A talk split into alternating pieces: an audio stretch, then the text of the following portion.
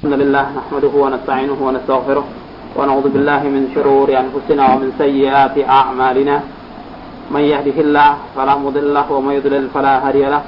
أشهد أن لا إله إلا الله وحده شريك له وأشهد أن محمدا عبده ورسوله. يا أيها الذين آمنوا اتقوا الله حق تقاته ولا تموتن إلا وأنتم مسلمون. أما بعد فإن أصدق الحديث كتاب الله وخير الهدي هدي محمد صلى الله عليه وسلم. وشر الأمور محدثاتها وكل محدثة بدعة وكل بدعة ضلالة وكل ضلالة في النار Saudara yang dimuliakan oleh Allah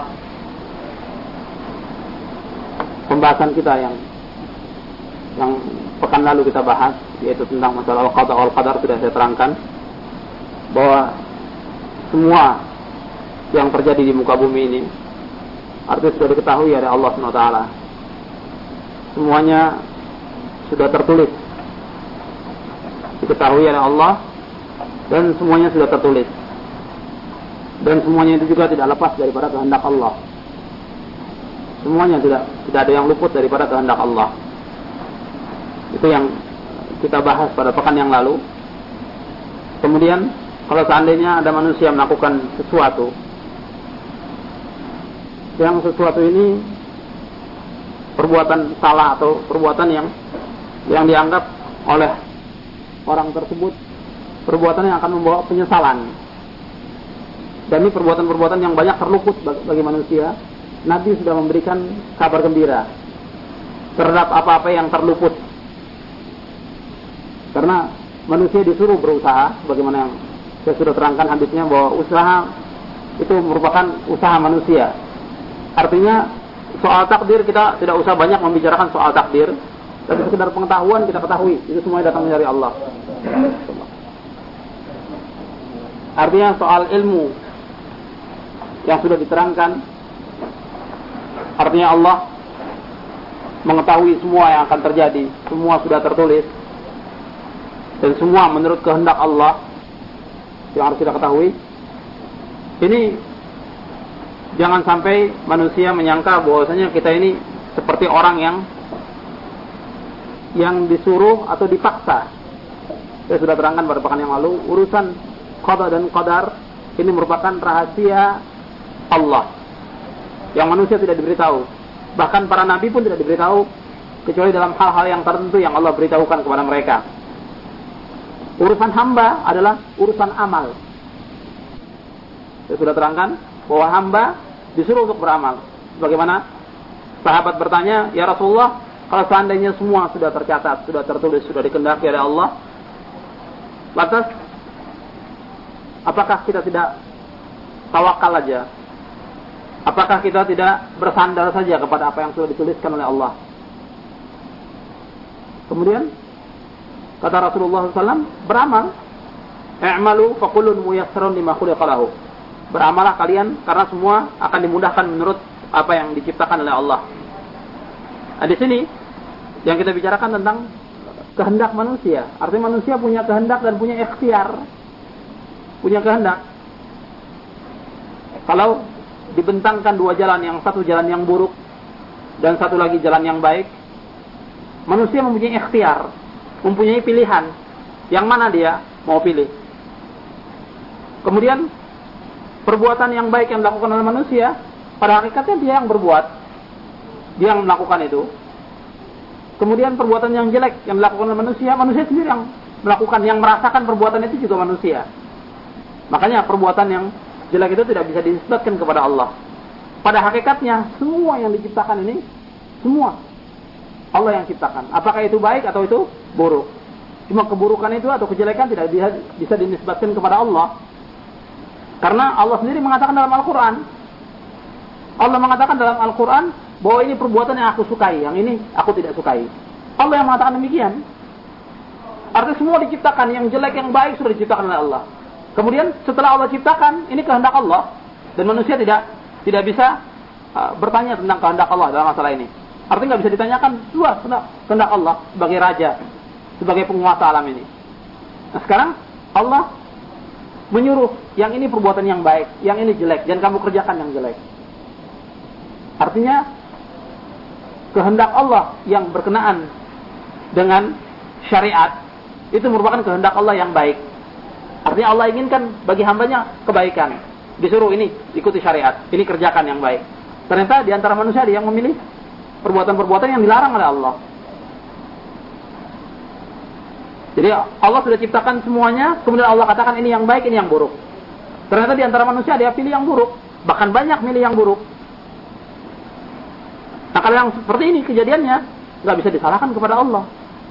Seperti yang saya sebutkan ayatnya fa'alhamaha fujuraha wa. Artinya kami sudah ilhamkan kepada manusia ini fujuraha wa. Yang fujur dan yang baik sudah dihilangkan, Allah kepada manusia. Ternyata banyak manusia yang milih jalan yang yang buruk. Ya, tidak bisa disalahkan kepada Allah. Dan Allah tidak bisa dan Allah artinya bukan tidak bisa, artinya Allah tidak berbuat zalim. Allah tidak berbuat zalim kepada hambanya. Jadi Allah bisa berbuat segala sesuatu.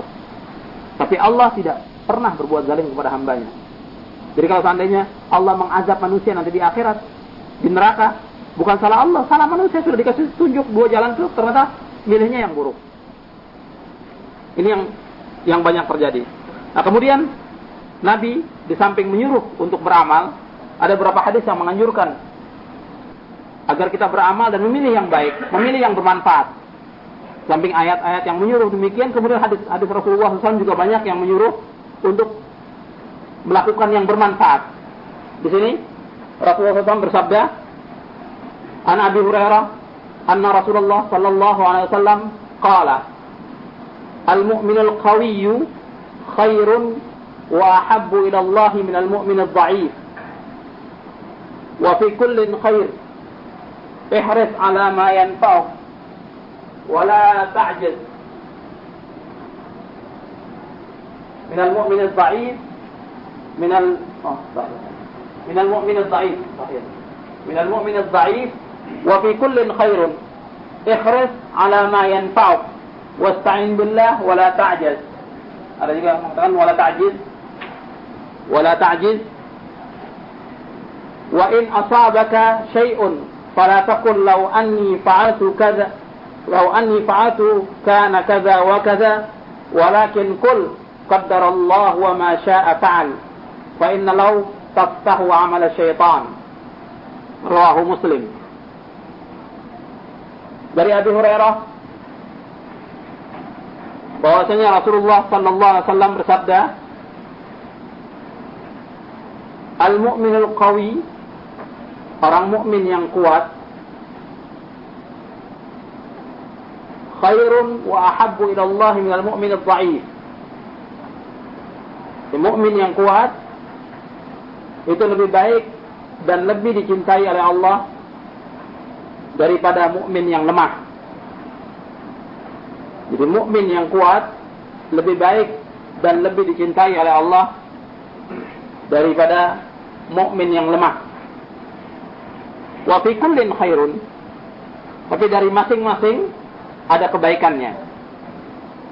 Dari masing-masing ada kebaikannya. Artinya dari masing-masing dari mukmin yang kuat dan yang lemah ini ada kebaikannya. Ihris ala ma yanfa'uk. Berkemauan keraslah kamu untuk mencari yang bermanfaat. Ihris ala ma yanfa'uk. Berkemauan keraslah kamu untuk mencari yang manfaat untuk kamu. Yanfa'uk yang bermanfaat untuk kamu. Wasta'in billah. Dan minta tolonglah kepada Allah. wala ta'jiz dan janganlah lemah. Jangan lemah. Artinya di sini diperintahkan pertama berusahalah berkemauan keraslah kamu untuk mencari hal-hal yang bermanfaat untuk kamu. Kemudian wasta'in billah. Minta tolong kepada Allah. Kemudian wala ta'jiz dan jangan lemah. Wa in asabaka syai'un dan bila atau jika ada sesuatu yang menimpa kamu, jika ada sesuatu yang menimpa kamu artinya musibah yang menimpa kamu, jika ada sesuatu yang menimpa kamu artinya musibah mengenai kamu, fala takul, maka janganlah engkau mengatakan maka janganlah engkau mengatakan lau anni fa'altu kalau seandainya aku berbuat begini, akan terjadi begini dan begini. Kalau seandainya aku berbuat begini, akan terjadi begini dan begini. Walakin akan tetapi, walakin akan tetapi, kul katakanlah, qaddarallah wa ma syaa fa'al. Allah telah menghendaki, Allah sudah takdirkan, dan Allah berbuat apa-apa yang ia kehendaki. Allah sudah takdirkan dan Allah berbuat apa-apa yang ia kehendaki.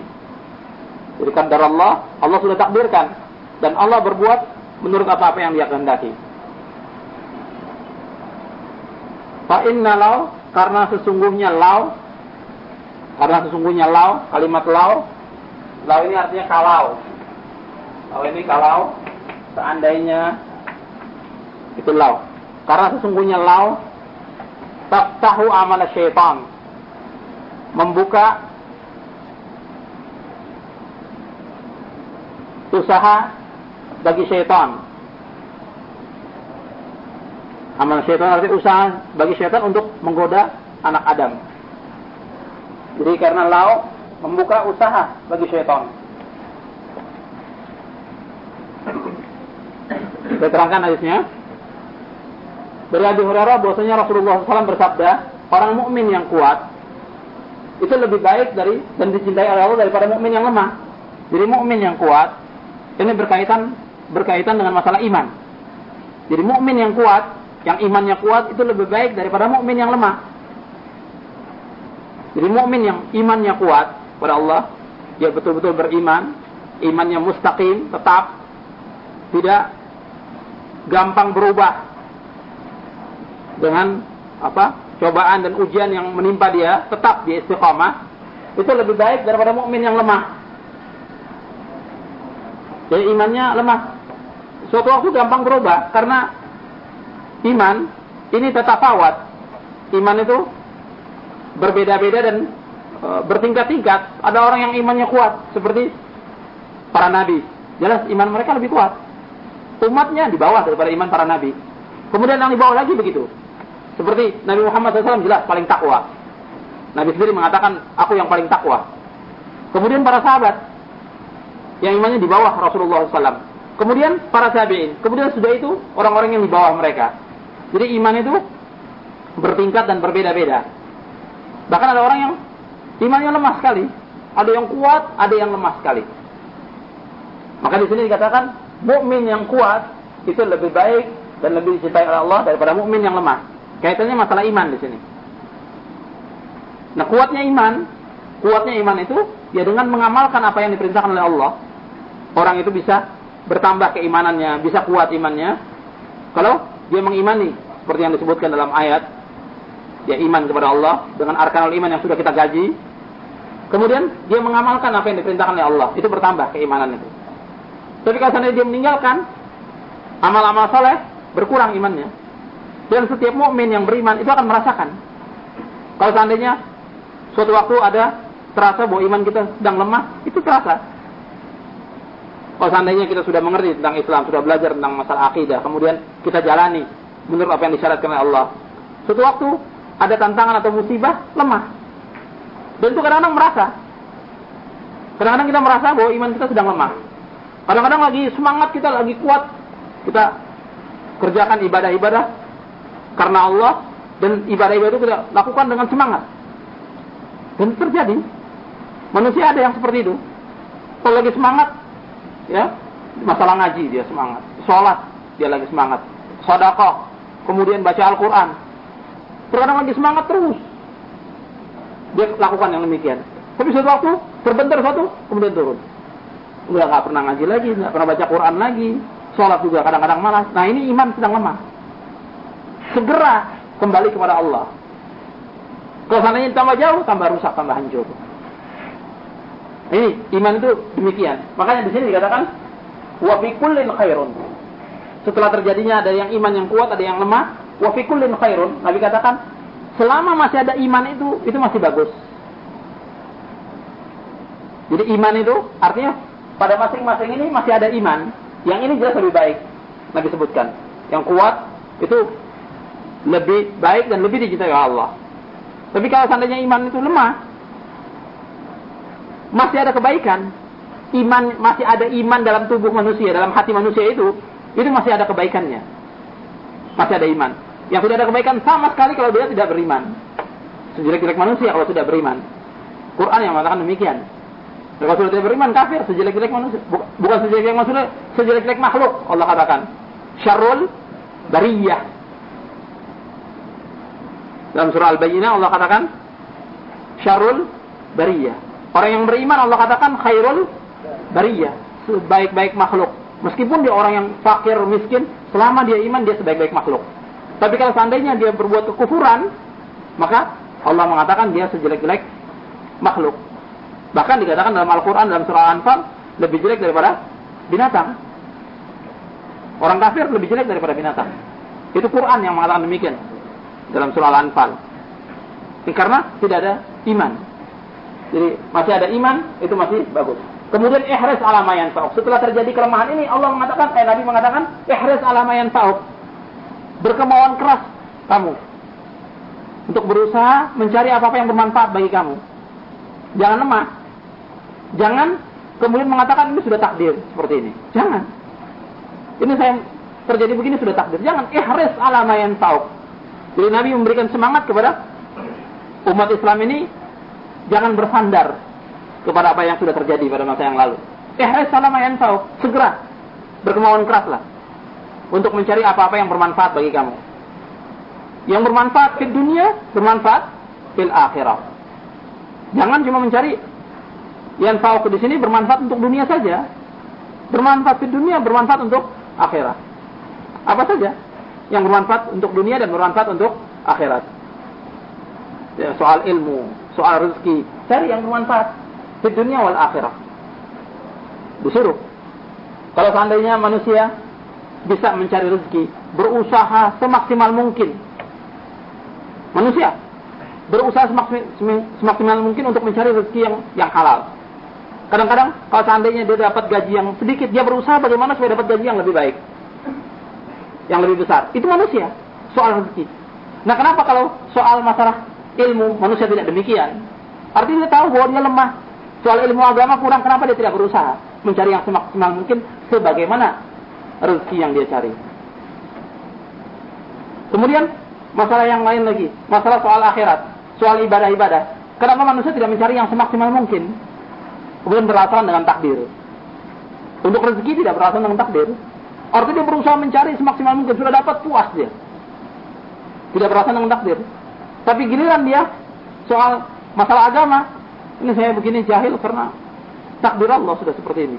Loh kenapa tidak mau, usaha sejak dulu? Jika orang rezeki bisa dia usaha, kenapa untuk ilmu tidak bisa berusaha? Untuk ibadah kenapa tidak berusaha? Maka disuruh ihris ala mayan tahu. Di samping berusaha kita semaksimal mungkin wasta'in billah. Jangan kita lepas itu, minta tolong terus kepada Allah. Setiap langkah yang kita lakukan selalu kita minta tolong kepada Allah. Jangan kita ber apa? Soal percaya diri, pokoknya saya ini bisa melakukan segala sesuatu. Padahal semua kehendak manusia tidak lepas daripada kehendak Allah. Wa ma tasyauna illa ayyasha Allah. Tidaklah kamu berkehendak melainkan apa yang sudah dikehendaki oleh Allah. Jadi kadang-kadang ada manusia-manusia yang berusaha dia mengatakan pokoknya ini bisa saya lakukan. Kita katakan insya Allah. Sampai Rasulullah SAW tentang kata-kata insya Allah dalam surah Al-Kahfi itu itu kan ditegur oleh Allah. Kejadiannya Rasulullah mengatakan kepada orang Yahudi waktu itu Rasul ditanya tentang beberapa masalah kemudian Rasul mengatakan besok saya jawab wahyu akan turun. Ternyata besoknya tidak turun wahyu. Tidak turun. Rasul sudah katakan besok saya jawab. Kemudian turun ayat. Wala taqulanna li syai'in inni fa'ilun dzalika ghada illa Allah. Janganlah kamu katakan bahwa aku akan melakukan sesuatu itu besok. Katakan insya Allah. Jadi kita minta tolong pada Allah. Insya Allah, mudah-mudahan Allah akan bantu usaha kita. Terus. Ya. Wasta'in billah ini dengan berbagai cara. Dengan doa, dengan sholat. Terus terus minta kepada Allah dengan doa, dengan sholat kita minta kepada Allah. Wasta'in billah, wasta'inu wasta'inu dalam Al-Quran gimana ayatnya? Ya ayyuhalladzina amanu ista'inu bis sabri was salah. Quran mengatakan ya ayyuhalladzina amanu ista'inu bis sabri was salah. Minta tolong kepada Allah dengan kesabaran. Arti sabar terhadap apa yang menimpa kamu, kemudian terus sholat. Minta kepada Allah pada waktu sholat itu. Setelah itu wala ta'jiz. Setelah kita berusaha, ini tiga Nabi sebutkan ini. Setelah kita disuruh untuk mencari yang bermanfaat, kemudian minta tolong kepada Allah. Yang ketiga, jangan lemah. Jangan lemah. Kemudian sudah berusaha yang demikian, terjadi juga musibah. Nah dikasih lagi jalan keluarnya. Seandainya kamu ditimpa oleh sesuatu musibah, jangan kamu katakan kalau seandainya dulu kami lakukan demikian, ternyata tidak terjadi demikian. Coba dulu kalau aku lakukan begini, ini nggak terjadi seperti ini. Ini nggak boleh. Jadi yang sudah menimpa kita, jangan kita katakan, jangan jangan disesali lagi, ta'assuf, penyesalan ini, jangan sampai terjadi demikian. Karena kalau seandainya ini kita katakan, semakin hari semakin lemah. Setan kemudian menggoda. Ya sudah kalau begitu nggak usah kamu usaha lagi. Ya sudah terluput apa yang kamu lakukan dulu. Sudah nggak usah usaha. Sudah nggak usah mendekat kepada Allah. Sudah tidak usah begini. Setan menggoda. Kadang-kadang yang menggoda itu setan dalam bentuk manusia, kadang-kadang juga dalam bentuk jin. Ya ada yang seperti itu. Setelah dia menerangkan kepada temannya dulu coba kalau saya kuliah, ini nggak jadi begini. Ini nggak mungkin saya ke Saudi ini. Kuliah mungkin saya jadi dokter.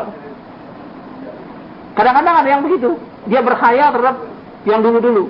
Coba dulu kalau saya begini. Kemudian temannya mengatakan, ya sudah, kalau begitu. Kamu usaha aja yang lain. Kalau yang begitu masih mending. Ada yang menganjurkan usaha. Tapi ada yang, ya sudahlah. Kalau begitu kita main-main aja, Ahsan. Kita berbuat maksiat saja. Ada yang seperti itu, menganjurkan untuk berbuat jelek. Nah ini, Nabi katakan, kalau seandainya kamu ditimpa musibah, musibah apa saja bentuknya, apa yang lalu atau musibah, seperti yang saya sebutkan penyakit, atau mungkin ada keluarga kita yang meninggal dunia atau segala macam, yang bentuknya musibah nggak usah kata-katakan, coba. Kalau seandainya saya dulu ada di rumah, mungkin kakek saya ini bisa saya obati, orang tua saya bisa obati. Sekarang nggak ada yang obati, kemudian meninggal. Ya sudah takdir Allah meninggal. Kadang-kadang seperti itu. Karena penyesalan kita terhadap masa yang lalu, kemudian kita katakan, coba kalau seperti ini. Nah, ini tidak boleh. Apalagi yang bentuknya sombong. Kalau yang bentuknya sombong, artinya coba dulu kalau saya nggak tolong kamu, kamu sudah meninggal. Nah, yang seperti ini, kiber tidak boleh. Lebih berat lagi. Ada yang seperti itu. Dulu saya kamu, kamu saya yang bantu. Dulu yang tolong, kamu saya yang tolong waktu kamu nyebrang, saya yang tolong. Kalau tidak mati kamu. Nah, ini nggak boleh seperti ini. Karena pada hakikatnya semua yang menolong adalah Allah, bukan manusia. Ini kalau kalau yang seperti ini lebih berat lagi. Karena dia menganggap dirinya bahwa dia yang melakukan sesuatu. Menafikan kehendak Allah. Menafikan kekuasaan Allah. Atau masalah rezeki. Menafikan rezeki Allah. Ini pun tidak boleh. Seperti yang pernah saya contohkan. Kemudian kita tolong saudara kita. Kita sudah tolong saudara kita sampai maju sekarang ini. Kemudian kita antum umpamanya begitu pulang ke Indonesia miskin. Karena nggak punya kerjaan dan segala macam umpamanya terjadi demikian. Kemudian kita menggantungkan ke orang dulu kamu saya yang tolong sampai kamu kaya ini saya yang tolong. Kalau nggak ada saya kamu hancur. Tidak boleh seperti itu. Ini nggak boleh. Sudah apa yang kita berikan mudah-mudahan Allah akan ganjar. Di dunia wal akhirah. Tidak boleh kita ucapkan kalau-kalau lagi. Dengan artinya bahwa ini usaha kita rezeki ini usaha kita semua yang datang dari Allah maka di sini dikatakan pengucapan lao itu akan membuka pintu syaitan. Maka kita katakan setiap apa yang musibah yang mengenai kita kita katakan qadarullah wa masya'a fa'al. Qadarullah wa masya'a fa'al. Artinya Allah sudah takdirkan dan Allah berkehendak, Allah melakukan apa yang dia kehendaki. Artinya sudah terjadi. Yang lalu itu sudah terjadi. Jadi nggak usah kita mengucapkan kalau-kalau lagi terhadap apa-apa yang kita lakukan dari usaha kita. Ini yang diterangkan oleh Rasulullah SAW tentang masalah takdir. Kemudian juga dalam ayat di dalam surah Al-Hadid ayat 22, 23, surah 57 ini juga berkenaan dengan masalah takdir. Artinya Allah memberikan hiburan kepada hambanya agar kalau ada sesuatu yang menimpa dia musibah, jangan terlalu menyesal dari apa yang terluput itu. Kemudian kalau mengenai sesuatu yang mengembirakan, jangan terlalu bergembira. Karena itu juga datang dari Allah dan akan hilang semua itu. Allah berfirman di dalam surah Al-Hadid, "Ma min musibatin fil ardi wala fi anfusikum illa fi kitabin min qabli an nabra'aha." Inna dzalika 'ala Allah yasir. لكي لا تأسوا على ما فاتاكم ولا تفرحوا بما آتاكم والله لا يحب كل مختال فخور Allah berfirman ma asabaka min musibatin jadi apa saja yang menimpa kamu dari musibah fil ard di muka bumi ini wala fi anfusikum dan pada diri kamu illa fi kitabim min qabli an nabraha semuanya sudah tercatat dalam satu kitab sebelum kami ciptakan kamu jadi semua yang terjadi di muka bumi sudah tercatat dalam lauh mahfud sebelum manusia ini ditimpa musibah. Seperti yang saya sampaikan pada pekan yang lalu, bahwa semua takdir makhluk ini sudah ditulis oleh Allah 50 ribu tahun sebelum diciptakannya manusia. Jadi sudah sudah ditulis oleh Allah sebelum diciptakan langit dan bumi, sebelum diciptakan manusia ini sudah ditulis oleh Allah. Kemudian yang demikian itu mudah atas Allah. Likai la ta'saw ma fatakum supaya kamu tidak tak tahu duka cita terhadap apa-apa yang menimpa kamu. Jadi likai la ta'sau ala ma fatakum.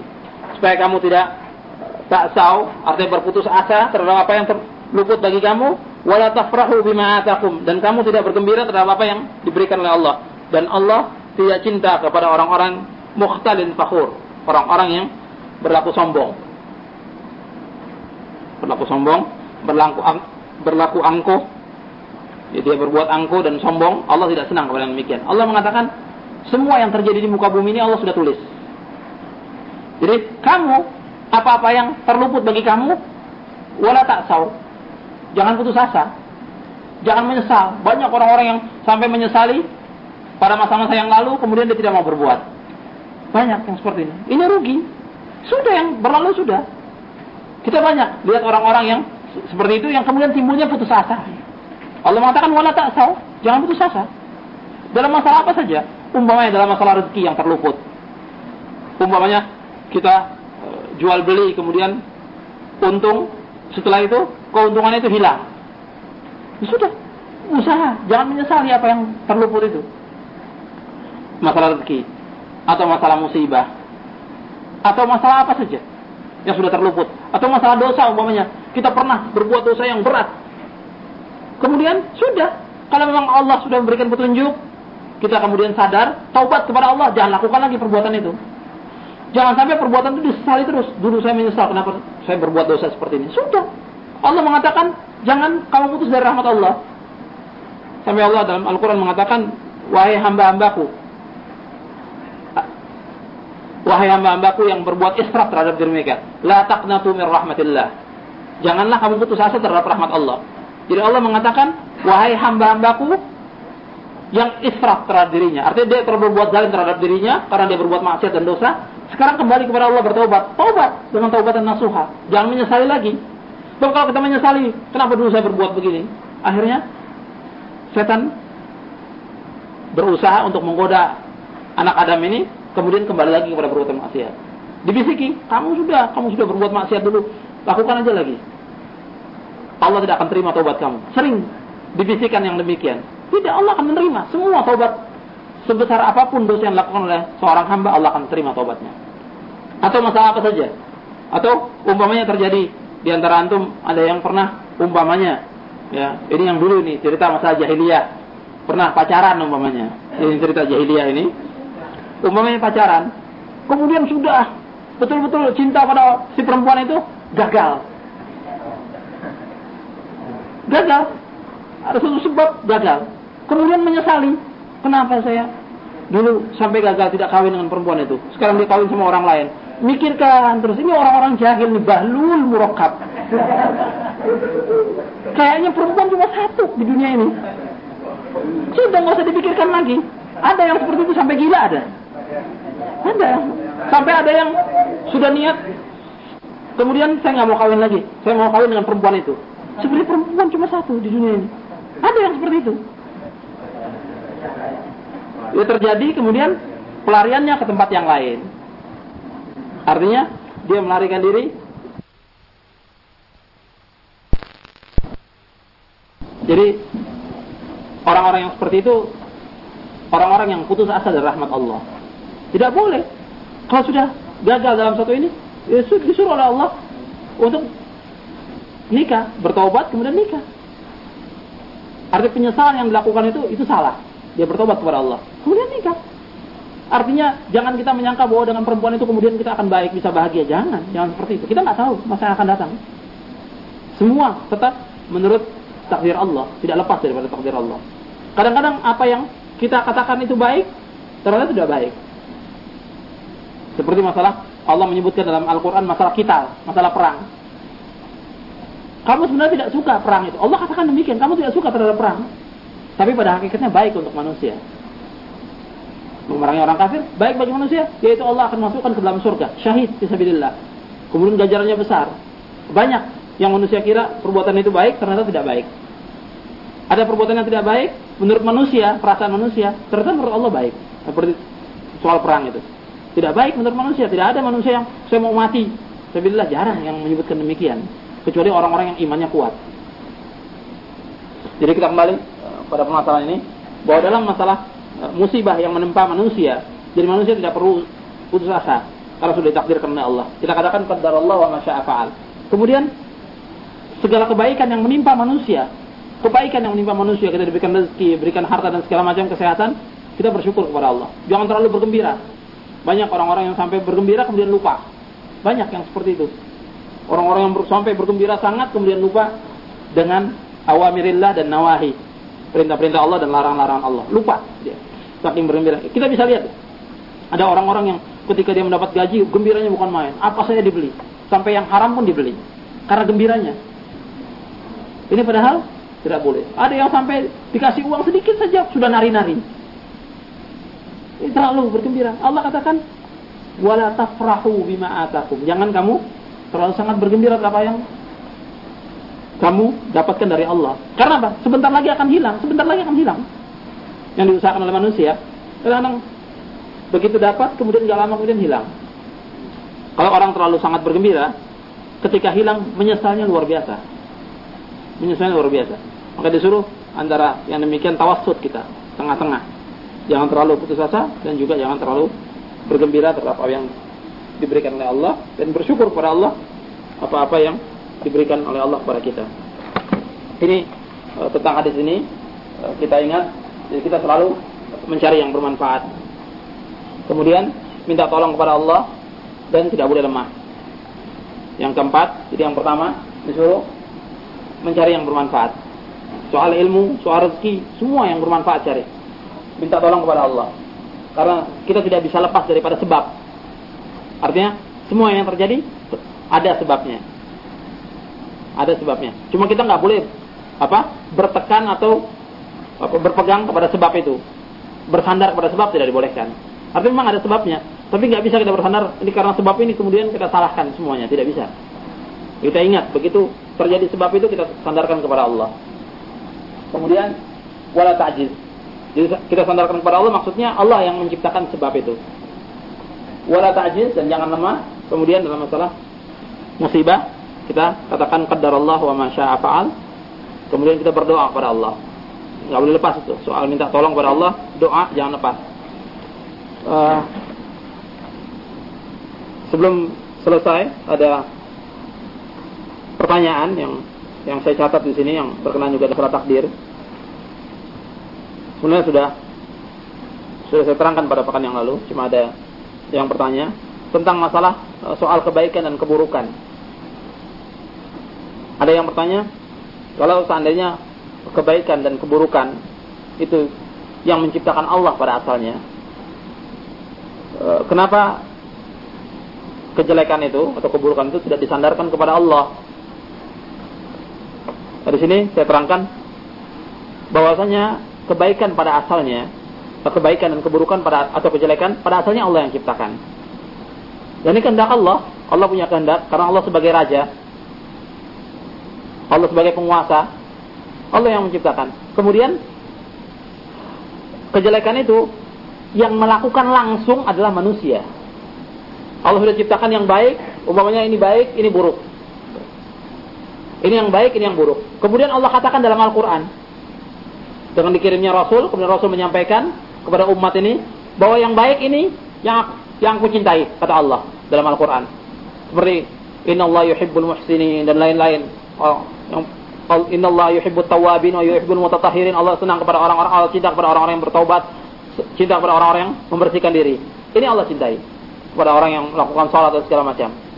Ternyata manusia ini memilih yang jelek. Yang memang pada asalnya Allah yang menciptakan yang jelek ini. Tapi manusia diberikan hidayah oleh Allah untuk memilih pilihan. Dan manusia punya kehendak, punya ikhtiar. Ini yang baik, ini yang buruk. Ternyata manusia pilih yang buruk ini. Maka yang demikian tidak bisa disalahkan kepada Allah. Melihat kepada asal memang Allah yang ciptakan. Tapi melihat kepada yang melakukan adalah manusia. Seperti manusia, umpamanya minum khamr, dia sendiri yang melakukan. Dia sendiri yang melakukan. Dia berzina, dia sendiri yang melakukan. Dia berbuat maksiat, dia sendiri yang melakukan perbuatan itu. Makanya ada hal-hal yang memang kalau seandainya bukan perbuatan dia, itu maafu. Dimaafkan oleh Allah. Contohnya karena dipaksa umpamanya, dipaksa dia melakukan sesuatu. Dimaafkan oleh Allah. Atau umpamanya dia melakukan karena tidak sadar, dimaafkan oleh Allah. Seperti umpamanya orang tidur, dia pukul anaknya sampai mati, ya, enggak, enggak, enggak ada dosa, kan luar kesadaran. Tapi kalau yang dilakukan dengan ikhtiar dengan kehendak, itu akan diazab oleh Allah. Dilakukan dengan ikhtiar, jadi tidak bisa disalahkan. Maka dalam Al-Quran beberapa ayat menyebutkan, wa ma asabakum min musibatin fabima kasabat aydikum wa ya'fu an katsir. Allah berfirman, apa-apa yang musibah yang menimpa kamu itu dengan sebab usaha kamu sendiri. Wa ya'fu an katsiran. Allah maafkan banyak sekali yang Allah maafkan. Artinya Allah tidak azab langsung, Allah maafkan. Kemudian dalam ayat yang lain juga Allah berfirman, "Wa ma zalamnahum walakin kanu humudz zalimin." Kami tidak zalimi mereka, akan tetapi mereka yang berbuat zalim. Kemudian dalam ayat yang lain, "Innallaha la yadhlimun nasa syai'an walakinnan nasa anfusahum yadhlimun." Sesungguhnya Allah tidak berbuat zalim kepada manusia, sedikit pun tidak berbuat zalim. Akan tetapi manusia sendiri yang menzalimi diri mereka. Sudah tahu jalan yang baik, dia pilih jalan yang buruk. Dan manusia diberikan akal oleh Allah, diberikan akal, pikiran untuk membedakan antara yang baik dengan yang buruk, kemudian diberikan manusia ini kehendak, keinginan. Kemudian manusia juga diberikan fitrah oleh Allah. Artinya fitrah manusia itu selalu condong kepada kebaikan. Nah, terkadang hawa nafsu yang menguasai dia sehingga dia pilih jalan yang yang buruk. Ini maksud banyak dalam dalam ayat-ayat Al-Qur'an yang menerangkan tentang demikian. Makanya tidak bisa disandarkan kejelekan itu kepada Allah. Seperti doa Nabi, "Wasyarru laisa ilaik." Dan kejelekan itu tidak bisa disandarkan kepada Engkau ya Allah. Jadi pada waktu salat malam Nabi berdoa di antara doa kita itu, "Wasyarru laisa ilaik." Kejelekan itu tidak bisa disandarkan kepada Engkau ya Allah. Karena yang melakukan kejelekan, kejahatan atau maksiat manusia itu sendiri. Dia nggak bisa disalahkan. Allah. Adapun alasan-alasan manusia itu nggak bisa. Maka dalam Al-Quran diutusnya para rasul itu supaya manusia tidak beralasan kepada Allah nanti di hari kiamat. Jadi mengatakan ini kami belum diutus rasul untuk menyampaikan kepada kami. Atau belum diutus seorang mubalik yang menyampaikan kepada kami. Tidak. Diutusnya rasul-rasul, diberikannya kitab. Itu agar manusia tidak menjadikan alasan nanti pada hari kiamat. Kemudian seperti yang tadi juga saya terangkan, manusia sering menjadikan apa eh, soal kebodohan, soal ma'ayib, ya, masaib dan segala macam itu sering manusia sandarkan ini merupakan takdir Allah. Ini sudah saya sebutkan tadi. Ada pertanyaan.